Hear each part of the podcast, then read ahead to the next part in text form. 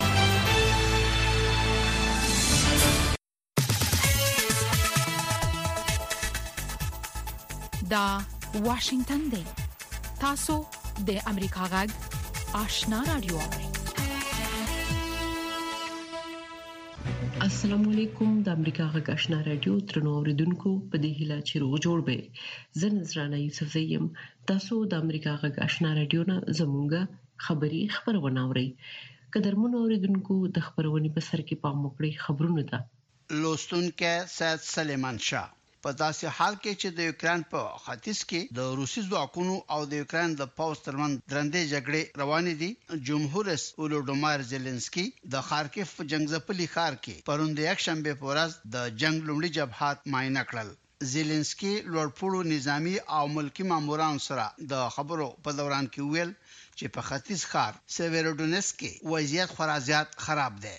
د روسیې د دفاع وزارت د یکشنبې په ورځ وویل چې د کرایوای ریه په مرکزي ښار کې یو غټ سلاکوټ تباه کړی دی. د روسیې پوځ له یوکرایني ځواکونو نه د لایمان د ختیځ ستراتیژیکي ښارګوټي د نیولو ادعا کړې.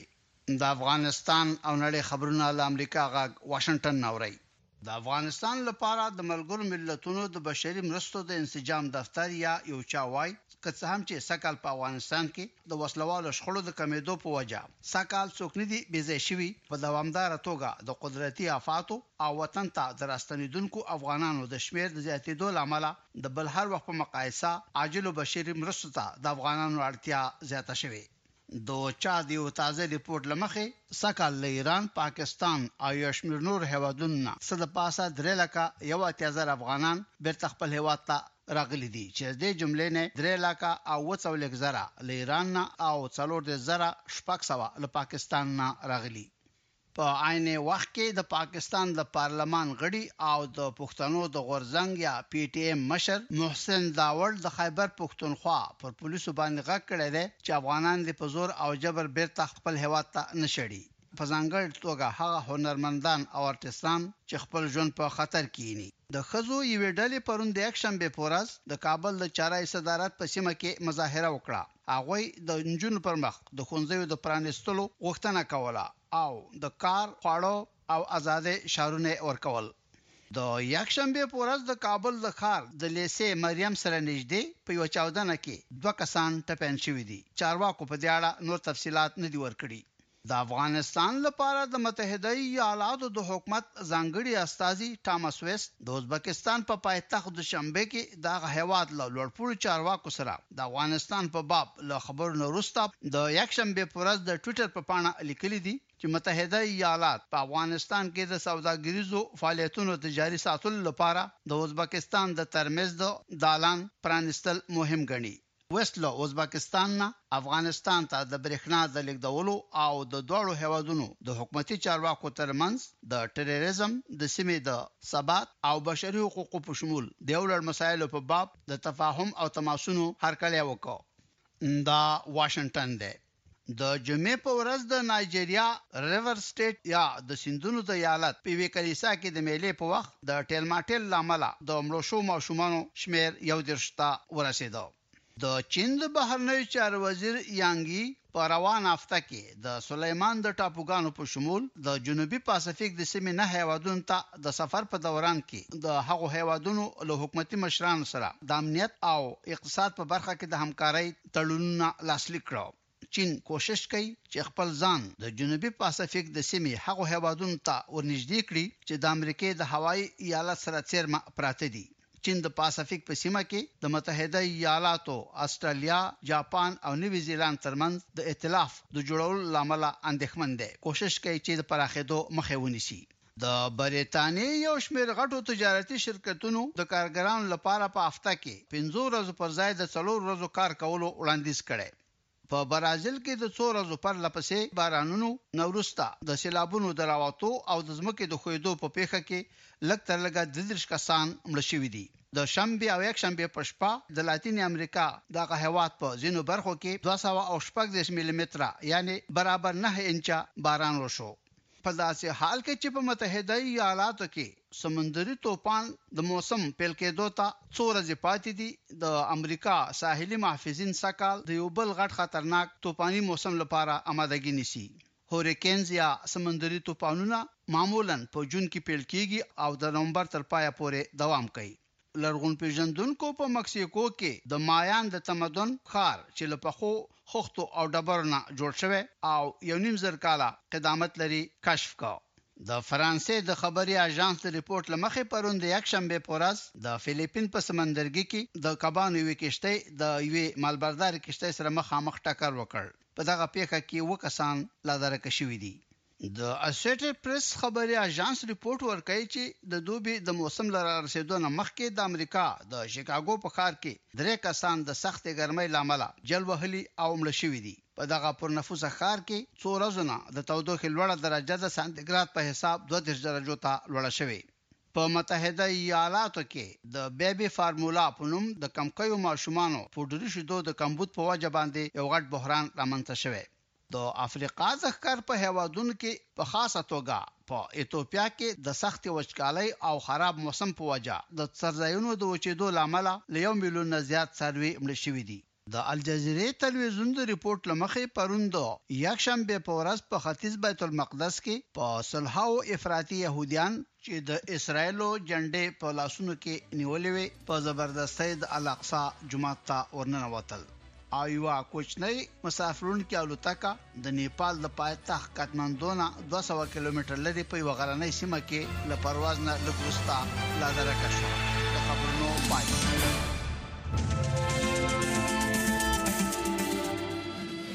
د امریکا غک آشنا رادیو درنو اوریدونکو تاسو کولای شئ د امریکا غږ آشنا رادیو خبرونه په منځنوي سپو 12 شپږنوي او 902 کیلو هرتز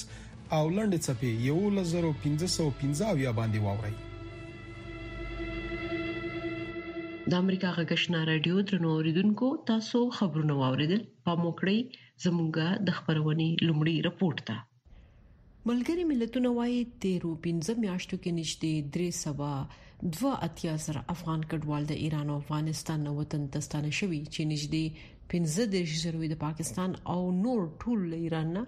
افغانستان ته راغلي دي مهاجرینو او ستنیدونکو چارو وزارت چارواکي وايي ایراني چارواکو سره په دغه هیواد کې د میشتو افغان کډوالو سره د ناسم چلن په اړه خبرې کړې دي پام وکړئ د اکرام شینواری دی رپورت ده د ملګرو ملتونو د بشري مرستو د همغږۍ د چارو دفتر اوچا له بهرنیو هیوادو د افغان کډوالو د ستنېدو او دننه په هیواد کې له خپلو مینو د افغانانو د بېځای کېدو په اړه رسنیو ته د تېرې اونۍ په استولي راپور کې ویلي چې د دوه زره دوه میلادي کال له پیل څخه تر تېرې اونۍ پورې د ایران او پاکستان څخه ټول درې سوه یو اتیا زره او شپږ سوه افغان کډوال وطن ته ستانه شوي دي. د اوچا د راپور له مخې د دغو ستنو شوو افغان کډوالو یوازې څلور دېرش زره او شپږ سوه یې له پاکستان او پاتې درې سوه او اووه څلوېښت زره نور له ایران څخه خپل وطن ته ستانه شوي دي. نږدې دوه میاشتې وړاندې په ټولنیزو رسنیو کې په ایران کې د مېشتو افغانانو سره د ناسم چلند په اړه رپوټونه خپاره شوي وو. د مهاجرینو او ستنېدونکو چارو وزارت مرستیال ارسلا خان خروټي د شنبې په ورځ هرات کې یو خبري کانفرانس ته وویل چې په ایران کې د مېشتو افغان کډوالو سره د ناسم چلند په اړه یې د ایراني چارواکو سره خبرې کړې دي. او په ایران کې څه موده مخکې هم د مهاجرینو سره چې کوم کلیپونه خپاره شو چې د هغوی حقوق تر پښو لاندې شوي دي یا د هغوی سره نامناسب سلوک شوی دی موږ د ایران د حکومت سره هم تماسونه ونیول په مجموع کې امارت اسلامي او وزارت خارجه د دوی سفیر هزار او دغه د ناخوښۍ څرګندونه وسوه او هغه خلک چې په دغه جرم کې ککړ وي او د دې پایلې باید کتیابي شي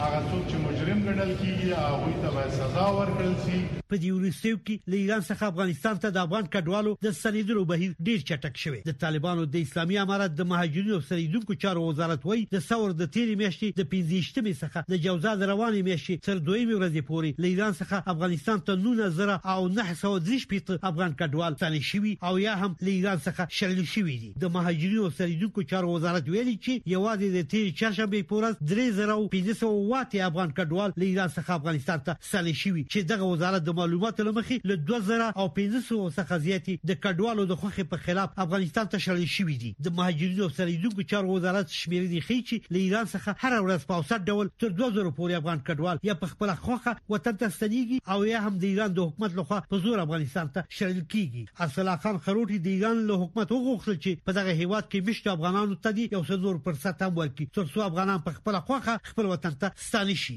زمونږ بیا هم د ټولو هیوادونو نه په خاصه توګه د ایران د حکومت نه همدا غوښتنه ده چې د اسلامي ورورولۍ په اساس او د نړیوالو قوانینو په اساس چې مهاجرین کوم حقوق لري د هغې درناوی وشي او افغانستان کې اوس الحمدلله امن دی دوی ته فرصت ورکړل شي چې تر څو پورې په خپله خوښه دوی ته شرایط برابر شي او خپل هیواد ته راستانه شي تر هغه وخته د دوی چې کوم حقوق دي هغه حقوق دوی ته ورکول شي او نور مهاجرین په ایران کې و نه ځورول شي او نه په زوره جبري توګه باندې د ایران د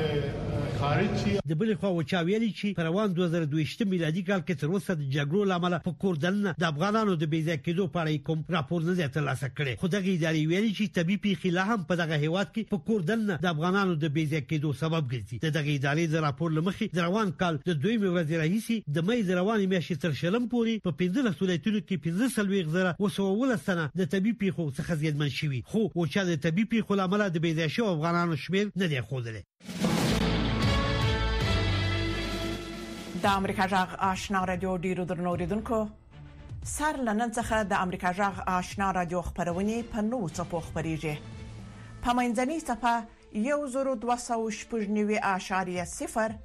په لاندو څپو 11000 پنځه سوه او پنځه اویا اعشاریه صفر او نهه سوه او دوه اویا کیلو هرتز د امریکا جغ آشنا رادیو اوریدلای شئ. د ملګرو ملتونو امنیت شورا د افغانستان په اړه په خپل وروستي رپورت کې طالبان د نړیوالو ترګرو ګروپونو سره خپل اړیکو ته په دوام ورکولو تورن کړي رپورت زیاتوي چې د طالبانو ځینې هغه غړي چې د ملګرو ملتونو په تور لیست کې دي د طالبانو په حکومت کې لوړ مقامونه لري پام وکړئ د رپورت ته د ملګرو ملتونو د امنیت شورا هغه راپور چې پرون خپور شو وای طالبان خپل ځینو هغه غړو چې د ملګرو ملتونو په تور لیست کې دي د ټاکلو او د القاعده په څیر ترهګریزو سازمانونو ته د پټن ځایونو ورکولو ته دوام ورکوي راپور وایي چې طالبانو تغییر نه دی کړی د ملګرو ملتونو په راپور کې راغلي د اګست په پنځلس مه واک ته له رسېدو وروسته تر اوسه د طالبانو د ګومارنو ارزونه ښيي چې د ملګروملتونو په تور لېست کې موجود یو څلوېښت طالبان په سرپرسته کابینه او نورو ادارو کې مهمې دندې لري. د طالبانو په چلند کې لږ بدلون لیدل کېږي. د ملګرو ملتونو اکثریت غړي هېوادونه په دې باور دي چې تر ډېره بریده طالبان هماغه پخواني طالبان دي. د ملګرو ملتونو راپور د افغانستان لپاره څه معنی لري؟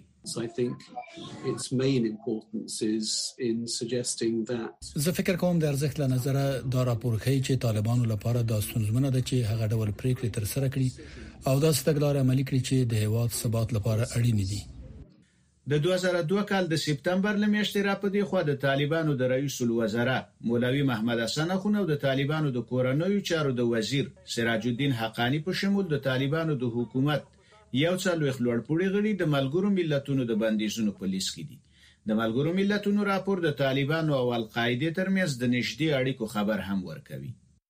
د ملګرو ملتونو په راپور کې راغلي چې د طالبانو او القاعدې اړیکې سره نږدې دي. په افغانستان او سیمه کې د القاعدې د دغه ډلې د مشرانو او د دې ډلې سره د تړلیو ګروپونو موجودیت د دې اړیکو ښکارندوی دي.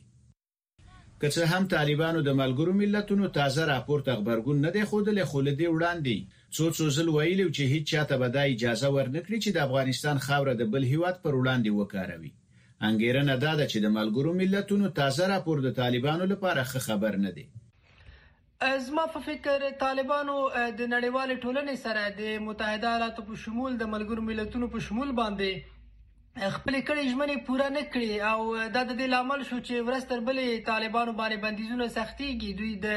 رسمیت پېژندنې په وړاندې باندې خنډونه یې نور هم پراخېږي او دوی ته سختېږي چې دوی د د نړیوالې ټولنې سره هغسې یو تعامل ته ورسیږي څنګه چې یو نور هیوادونه رسیدلي دي دا به د دې باعث شي چې افغانستان بلا ډیر انزوا ته لاړ شي افغانستان بلا د ډیر شدید اقتصادي بحران سره مخ شي او د طالبانو حکومت به د بې ثباتۍ سره مخامخ شي او په نهایت کې مسولیت هم بیرته طالبانو ته راجع کیږي له دې سره سره چې د ملګرو ملتونو په راپور کې په روان کال کې په افغانستان کې د تاوتریخوالي د زیاتېدو وړاندوینه شوې، راپور وايي چې القاعده او داعش تر دوه زره درویشت کال د نړیوالو بریدونو د ترسره کولو وړتیا نه لري.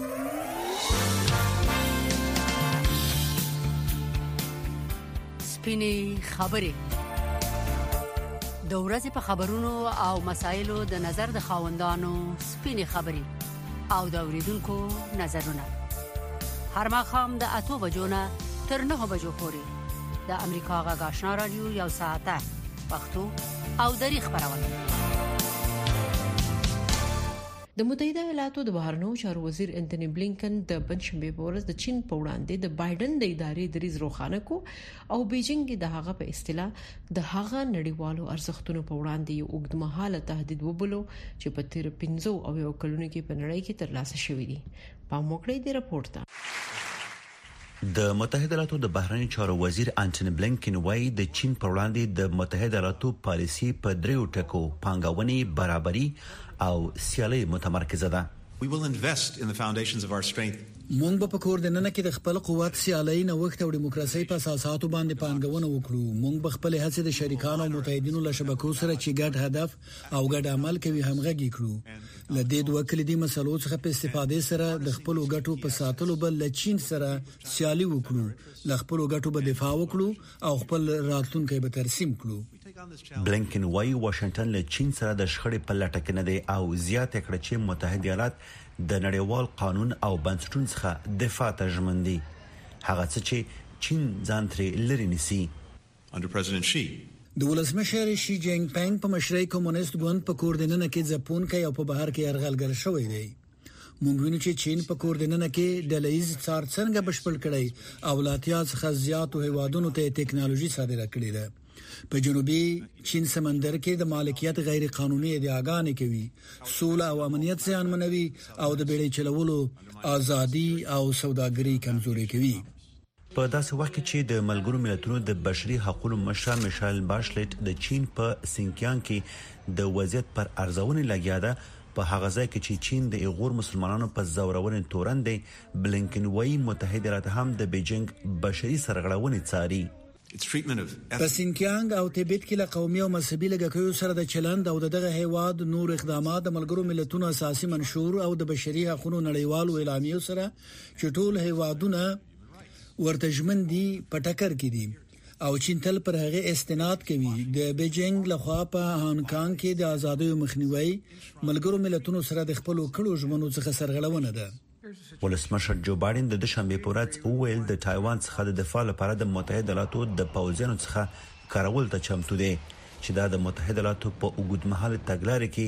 يو بدلون دی حال دا چې چارواکو د دغه شان ژمنو څخه ډډه کړې ده. بلنکن وويل چې د متحده ايالاتو په پاليسۍ کې بدلون راغلی نه دی. زموږ پالیسي بدله شوې نه ده. هغه څه چې بدل شوي دي، ورځ تر بلې د بیجینګ جبر دی چې هڅه کوي له هېوادونو او نړۍ سره د تایوان اړیکې پرې کړي او په نړیوالو سازمانونو کې یې د ګډون مخه ونیسي. د بهرنیو چارو وزیر روښانه کړه چې متحد ایالات نه غواړي له چین سره پرېکون وکړي، بلکې غواړي تر هغې چې عادلانه وي او د متحد ایالاتو ملي امنیت په خطر کې نه وي، د اسیا له دې ځواکمن هېواد سره خپلو سوداګریزو راکړو ورکړو ته دوام ورکړي. وحید فیضي، امریکا غږ، واشنګټن.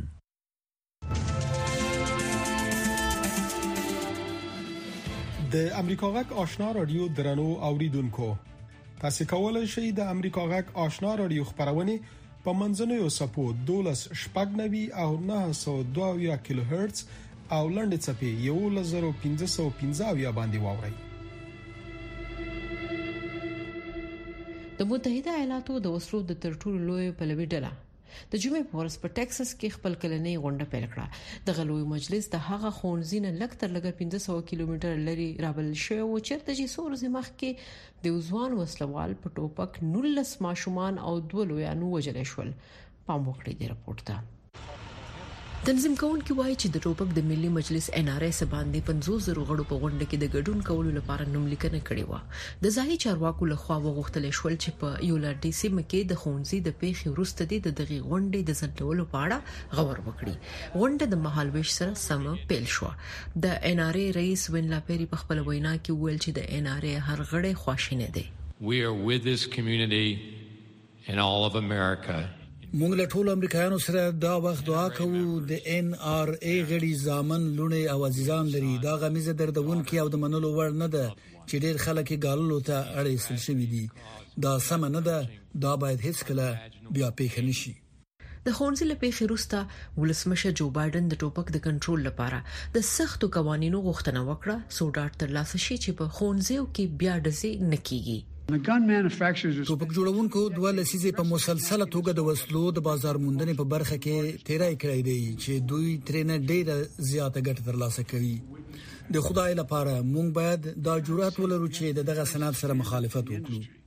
پخواني ولسمشر ډانلډ ټرمپ غونډې ته وویل چې کله بایډن اېن ار ای تورنوي هغه د دوی په څېر د امریکایانو په اړه خبرې کوي. دا بیانیه ډېره ویښوونکې او خطرناکه ده او تر ټولو مهمه دا چې غلطه ده. دا زموږ په سیاست کې هیڅ ځای نه لري. لکه څنګه چې د تل په څېر د دې غمیزو په پایله کې د کیڼ اړخو د ټوپک کنټرول مختلفې پالیسۍ د وحشت د مخنیوي لپاره هیڅ نشي کولای. د ټکساس سناتور ټیډ کروز غونډې ته وویل چې د کانګرس ډیموکراټان هڅه کوي د سیاسي ګټو لپاره د ښوونځي د پیښې نه ګټه پورته کړي. دا ډېره اسانه ده چې د سیاسي مخالفینو سپکاوی وکړو او د اتباعو نه غوښتنه وکړو چې د خپل اساسي قانوني حقونه د لاسه ورکړي پر ځای د دې چې کلتوري ناخوالو ته وکتل شي چې د نه ویلو وړ بدو اعمالو لامل کیږي. د اېن ار ای غونډې د نندارتون په څوارلس جریبه لوی ځای کې ټوپکې د نندارې لپاره ایښې دي او اعلانوي چې د نومبر په منځمهالو ټاکنو کې دې ولس د ټوپک پلوه کاندیدانو ملاتړ وکړي. نذرانه یوسفزۍ، امریکا غږ، واشنګټن.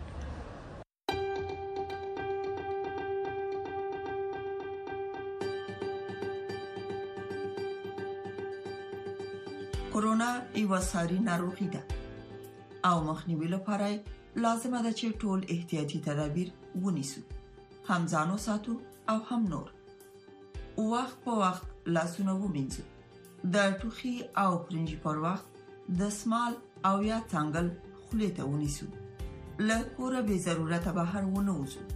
او د وټو پر وخت ماسک باندې خلا او پزه پټ دي کې د هر چا صحت خوندي کیږي زه نو شاباش نه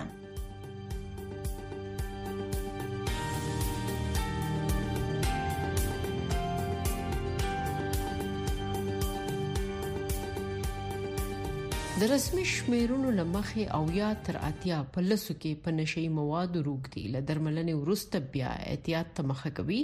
او ځینې ډاکټران احتیاط ته د روغ شوو معتدینو د بیرته راګرځېدو یو لامل هغه رواني ستونزې یادوي چې د معتدینو تر روغېدو وروسته ورته پیدا کیږي صفی الله احمدزی په دې اړه راپورټ را لګلې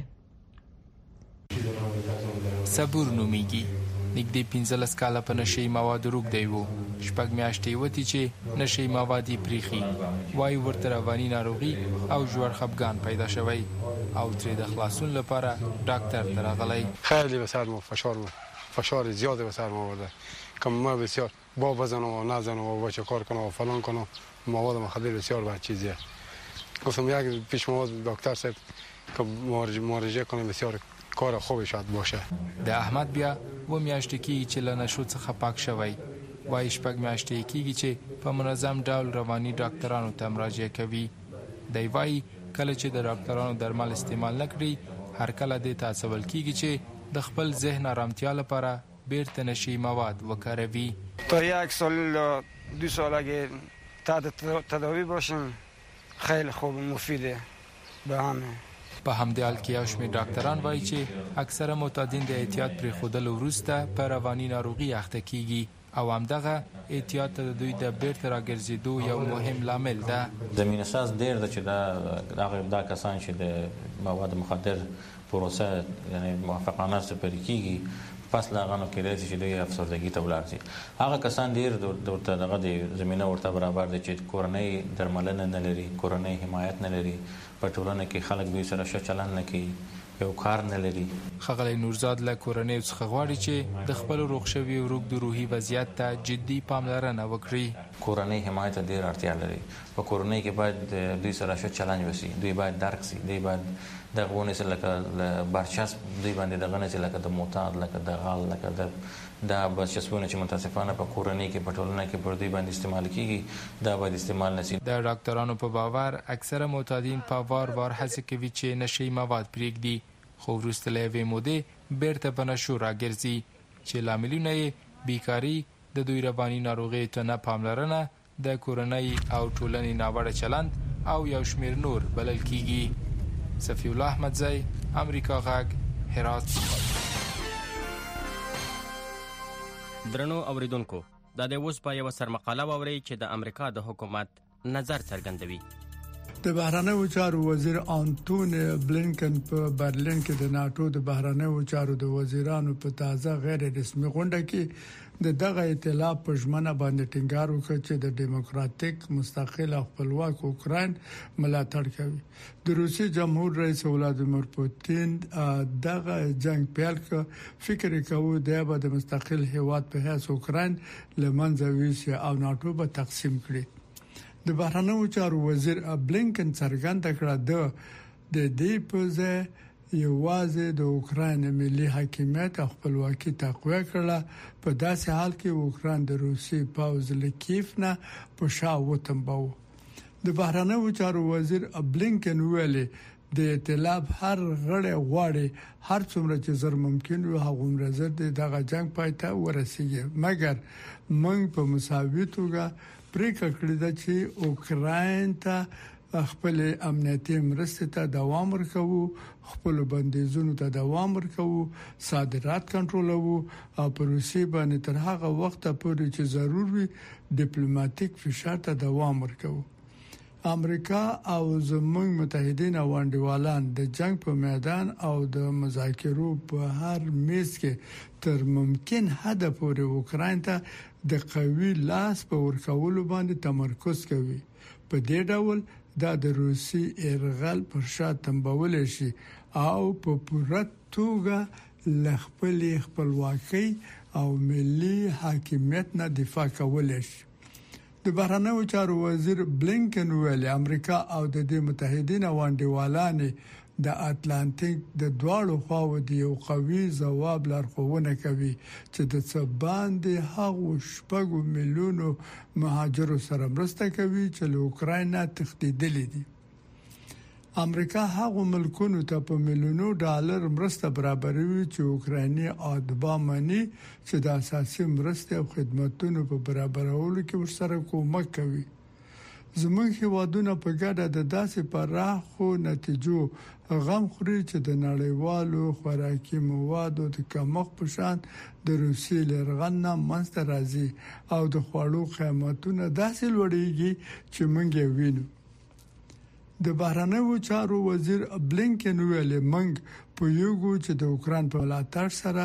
موږ د ملي حاکمیت او خپلواکۍ د اصولو دفاع هم کوو چې د بین المللي سولې او امنیت بنسټ دی. امریکایي ډیپلوماتان د څو هفتو د کار کولو نه وروسته اوکراین ته راستانه شول، په کیف کې زموږ سفارت بیرته پرانیستل کیږي او موږ به ډیر زر کار پیل کړو. د بهرنیو چارو وزیر بلینکن د ناټو د پرانیستې دروازې په پالیسۍ او د ټولو هیوادونو په حق باندې ټینګار وکړ چې د خپلې راتلونکې پالیسیو او د امنیتي بندوبست په باره کې پریکړه وکړي. امریکا د سویډن او فنلنډ د غوښتنلیکونو په کلکه ملاتړ کوي چې ناټو ته رسمي ورکړي. امریکا په ماډریډ کې د ناټو د جون د میاشتې عالي غونډې ته سترګې په لار ده، کله چې به ایتلاف خپله ستراتیژیکه مفکوره خپره کړي چې دا به د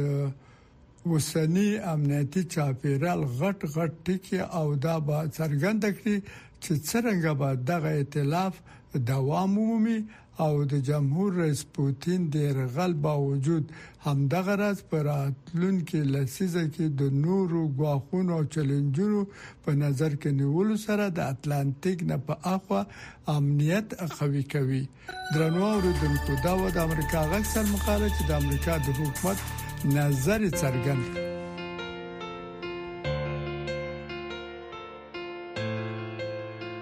قدرمن اوریدونکو تاسو د امریکا غږ آشنا رادیو نه زموږه خبری خبرونه واوریده موږ تاسو نه په دې هیله اجازه غواړو چې خبرونه به او ریډلی وي د خوده په امان